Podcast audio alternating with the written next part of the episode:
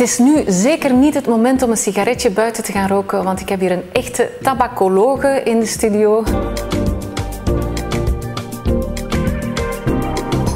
Dag Katrien, welkom. Goedemiddag. Ja, een tabacologe. Het is een moeilijk woord. maar wat doet hij dus eigenlijk precies, voor alle duidelijkheid? Tabacoloog is inderdaad een raar woord. Ja? Ehm, eigenlijk kan je dat vertalen door rookstopcoach. Wij helpen mensen om te stoppen met roken omdat rook, een ver- verslaving aan roken of aan sigaretten of aan tabak is veel meer dan alleen maar de lichamelijke afhankelijkheid. Dus de afhankelijkheid aan nicotine, die we bestrijden met, met, met, met, met pillen of, of eh, nicotinevervangmiddelen. Maar je hebt ook die mentale of die ehm, psychische afhankelijkheid. Zo de, de, gewoon, allee, de, nee, de gewoonte is derde, maar de, de gevoelens die erbij komen. En dan kunnen zowel de gevoelens zijn van stress, slecht nieuws, ambetant zijn, Ja. eh, die slechte gevoelens. Maar dan kunnen ook die leuke, plezante gevoelens zijn van mensen roken graag. Dat, dat wordt geassocieerd met gezelligheid. Eh, dat me-time momentje, dat even even buiten zijn, even met rust gelaten worden. En dat is een coaching, dat is eigenlijk het gedrag dat daarbij bij, bij komt te zien. En dat is een gedragsverandering. Dus wij helpen die mensen van dat gedrag te gaan vervangen door een nieuw gedrag. Ja, je kunt een beetje vergelijken met emo-eters. Of als je emotioneel je niet goed voelt, dat je dan grijpt naar eten. Maar dat je dan dus in dit geval grijpt naar een sigaret. Tuurlijk, Ja. tuurlijk. Het is eigenlijk alles is, het is gewoon je gedrag een beetje veranderen in iets anders. En als die lichamelijke afhankelijkheid, als we die overwonnen hebben, ja, dan zitten we nog een beetje met de rest. En het is die, die eh, gewoontes en die routines en die eh, mentale afhankelijkheid die er eigenlijk voor gaan zorgen dat mensen gemakkelijk gaan hervallen.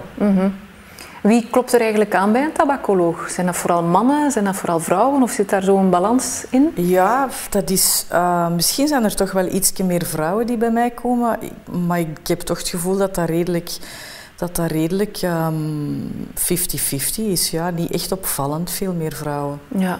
En zwaar verslaafden? Of... Dat is heel verschillend. Je- je- ik heb zowel al mensen die dan naar de 100 sigaretten per dag, als die dan minder dan 100? 10. Ja, ja, echt wel. Ja, zo 80 à 100 sigaretten. Ik, een, een- ik heb eens een vrachtwagenchauffeur gehad en ja, die mensen doen een hele dag niks anders. Terwijl dat die aan het reizen zijn, terwijl dat die aan het wachten zijn, openen, die zijn eigenlijk continu aan het roken. Echt kettingrokers. Ja. Maar 100 per dag, dan moet je toch al een aantal pak- pakjes... Ja, dat is een aantal pakjes. Eh, Per ik dag. wil niet weten wat dat, dat kost. Hè. Ja. Ik, wil, ik wil het niet uitgeven. Hè. Als je dat zou kunnen sparen, Dat is veel. dat is veel geld dat je kan ja. uitsparen. Maar dat is waarschijnlijk geen motivatie om te stoppen met roken. Voor iedereen is dat anders. Heel veel mensen denken wel van, amai, als ik zie wat ik, wat ik eraan uitgeef, als ik dat geld zie groeien in een pot, dan weet ik wel wat ik ermee kan doen.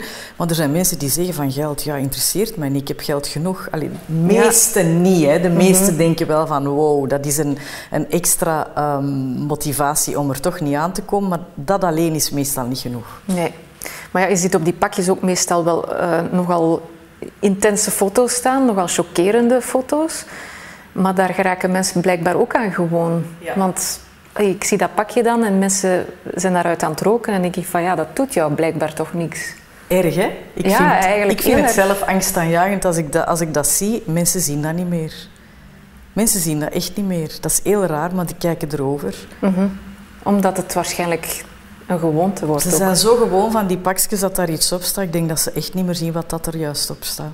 Misschien ook omdat ze het niet zo persoonlijk nemen.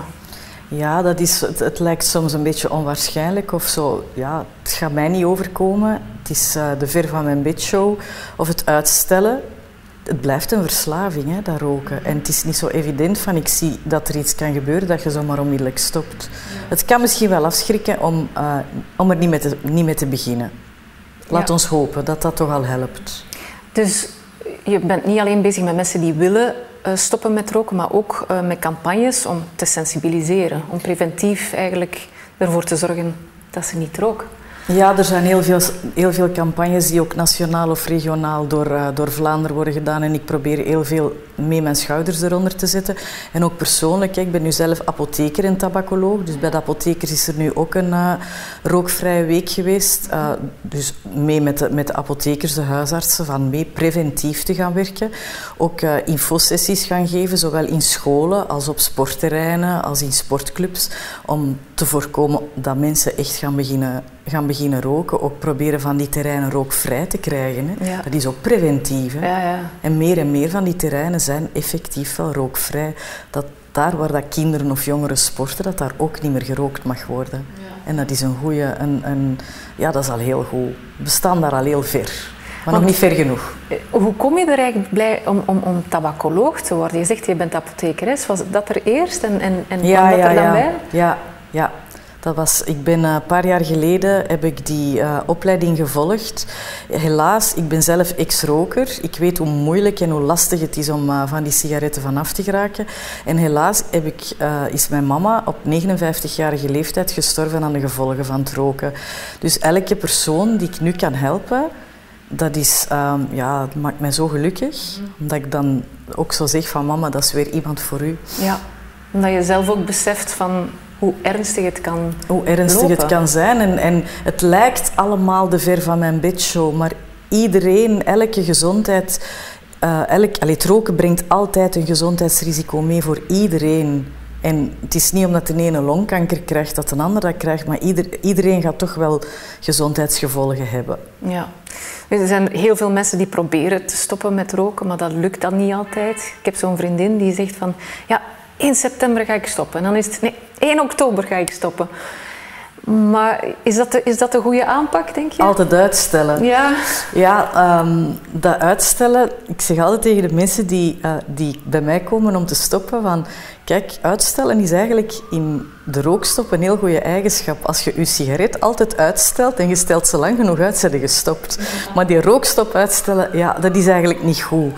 Uh, het, het, ja, het is zo wat angstaanjagend voor mensen, vaak. Van een stopdag bepalen, dat is zo van... Ah, dat brengt zo een angst met zich mee. Heel veel mensen zeggen van, hoe gaat dat zijn zonder? En ik ben mijn beste vriend kwijt. En mijn me-time momentje, ik ga mij niet meer kunnen ontspannen. Dus dat brengt een beetje angst met zich mee. Ook van, ga ik het wel kunnen? Maar toch is het belangrijk van toch naar die stopdatum toe te leven en een plan te maken. En echt planmatig. Want als je zo heel impulsief, bij de meesten mislukt het dan. Of ze gaan hervallen. Juist omwille van het feit dat je op drie niveaus verslaafd bent. Dat je echt goed moet wapenen van wat kan er mislopen, wat zijn mijn triggers, hoe kan ik dat voorkomen, wat als ik toch eens even een, uitschuif en even herval, hoe kan ik mij herpakken. Heel belangrijk van dat toch allemaal te definiëren. Ja, maar je zegt op drie niveaus verslaafd, wat is dat dan? Ja, dus lichamelijk de nicotine en dan het mentale aspect, die gevoelens en dan die gewoontes of die routines, die, die onbewuste onbewuste handelingen. En dat is een gevaarlijke. Ik heb vroeger als uh, jong meisje, ik vergat dat ik gestopt was met roken. Ik dronk een pintje en ik was ineens aan het roken. Ik denk, oei, ik was gestopt. Ja, we zullen dat dan nog wel eens terug doen. Omdat dat zo'n gewoonte ja, was. Ja, ja, ja, ja. Het voordeel is nu natuurlijk dat je niet meer binnen mocht roken. Hè. Dat gaat dan dat minder een voordeel. gebeuren. Ja.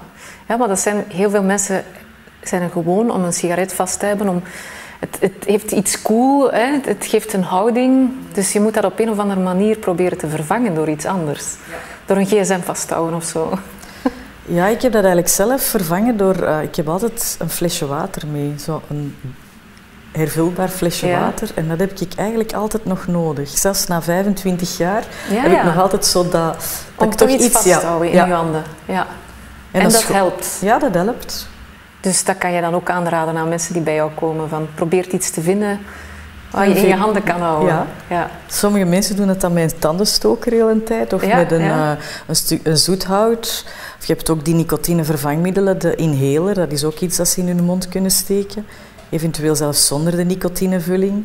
Dus niet bij iedereen, bij iedereen belangrijk, hè, die hand-mond-beweging. Uh, bij sommigen is dat heel belangrijk, anderen zeggen nee, dat doet mij niks. En wat als je nu hervalt, je hebt het een paar maanden goed gedaan en, en je hervalt, is het dan moeilijker om weer de draad op te pikken? Moeilijker, niet per se moeilijker, het is anders.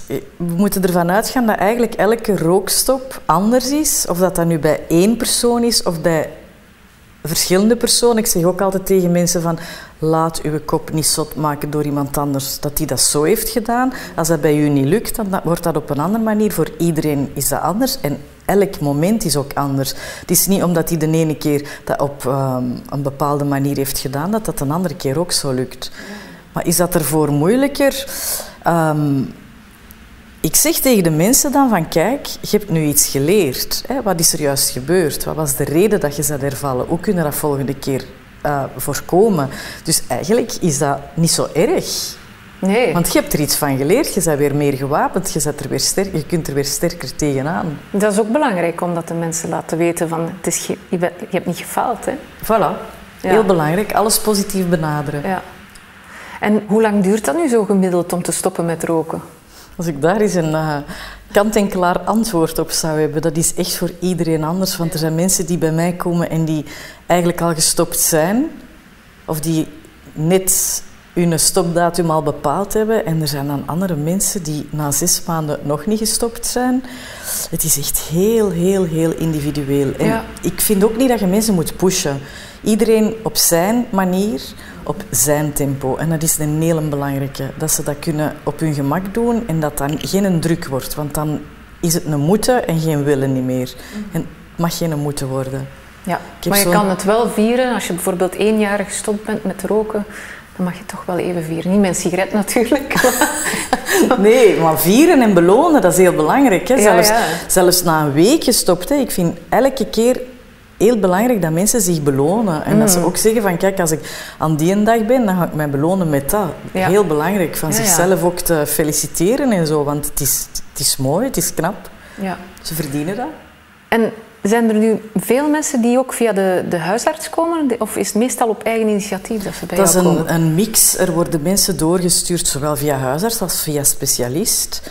En ehm, andere mensen via via of gewoon Google. En ehm, ze zoeken tabacoloog of uh, rookstop met hulp. En, en ze komen zo bij mij terecht. Mhm. Maar dat is heel, varia heel variabel.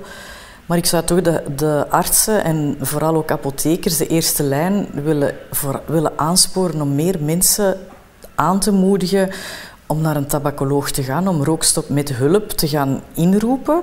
Ja, enerzijds, er is tussenkomst, dus het kost niet veel aan de mensen.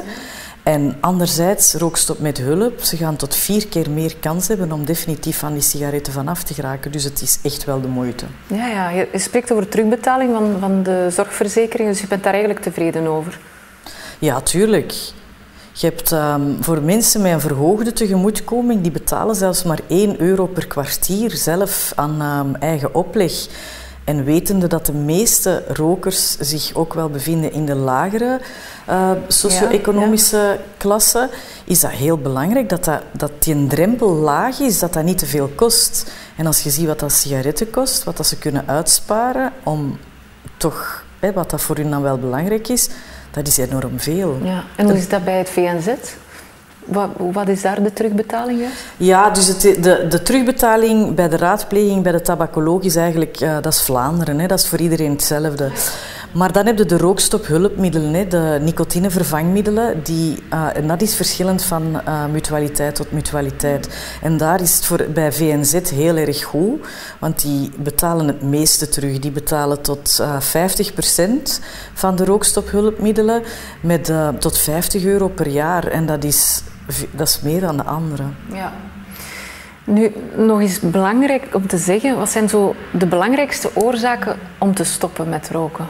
De motivaties. ja, ik denk dat dat bij u je mama was om te stoppen met roken. Of nee, ik was al gestopt met roken. Bij mij, als ik, ik ben gestopt met roken uh, om, omdat ik mama wou worden. Ah, omdat mijn zwangerschapstest positief was. Dus dat is iets wat dat, dat heel veel vrouwen eh, motiveert om te stoppen maar nog altijd niet motiveert om blijven te stoppen.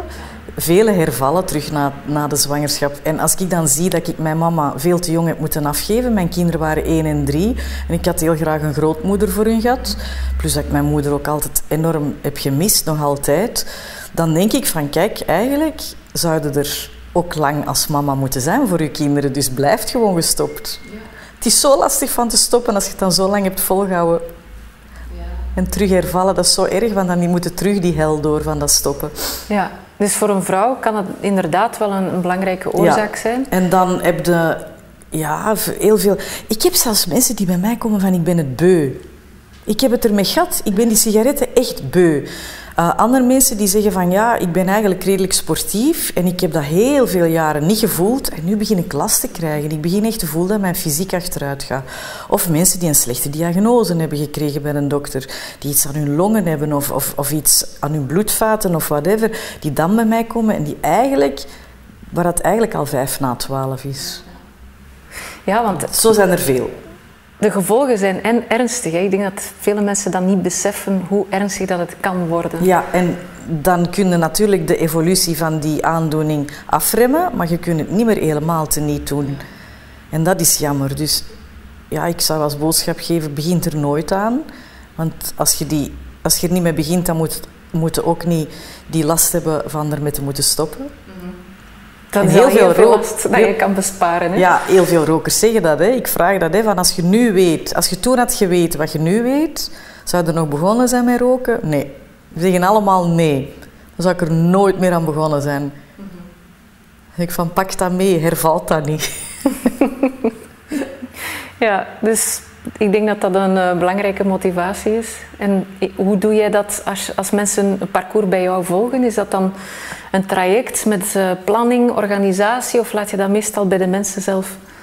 Ja, ik laat dat wel bij de mensen zelf. Want Ze moeten dat op eigen initiatief doen. Ja, natuurlijk. Het, het, is het ene, enerzijds een haalbaar plan en dat is helemaal op maat gemaakt. Persoon, dat is persoonsafhankelijk. En ik laat de mensen zelf denken hè, van wat kun je in de plaats doen, hoe kun je dat vervangen. Want als je aan mensen iets opdringt of iets oplegt wat dan niet van hun komt, dan gaat dat niet werken. Ja. Enerzijds, mensen doen dingen om hun eigen redenen en niet om de redenen van iemand anders. En mensen weten zelf veel beter wat dat voor hun haalbaar is dan dat iemand anders dat weet. Dus ik ben in elk geval heel blij dat ik er nooit mee begonnen ben. Ja, ik zou, ik zou het denken, want ik ben er nu 25 jaar vanaf en ik ben heel blij dat ik mensen kan helpen. Maar ik heb nog altijd zin af en toe om te. Dan denk ik van, oh, ik vond dat eigenlijk wel gezellig. Ja, ja. ik deed dat eigenlijk wel graag. Aan hebt. Dus ik heb dat soms zo nog wel eens goesting. En wat doe je dan? Dan lach ik dat weg. Je dat weg. Ja, ik heb, er, ik heb er mooie herinneringen aan en we gaan het zo laten. Ja, oké. En dan pak je een stukje chocola. Nee, een glas water. Hè. Dan pak ik mijn flesje water. Dat is waar, glas water. Oké. Stoppen met roken, het is altijd een goed idee. Dat, dat heb ik ervan uh, meegekregen. Zeker weten. En als je graag wil stoppen, doe het dan uh, via www.tabacologen.be. Dat is toch zeker en vast een weg om een tabacoloog te vinden. Ja, dat klopt. Dankjewel voor het gesprek, Katrien. Dat is graag gedaan. En wij gaan afronden, maar blijf zeker nog wat bij ons, want op de website van VNZ daar vind je nog andere podcasts. Dus veel plezier en heel graag tot een volgende keer.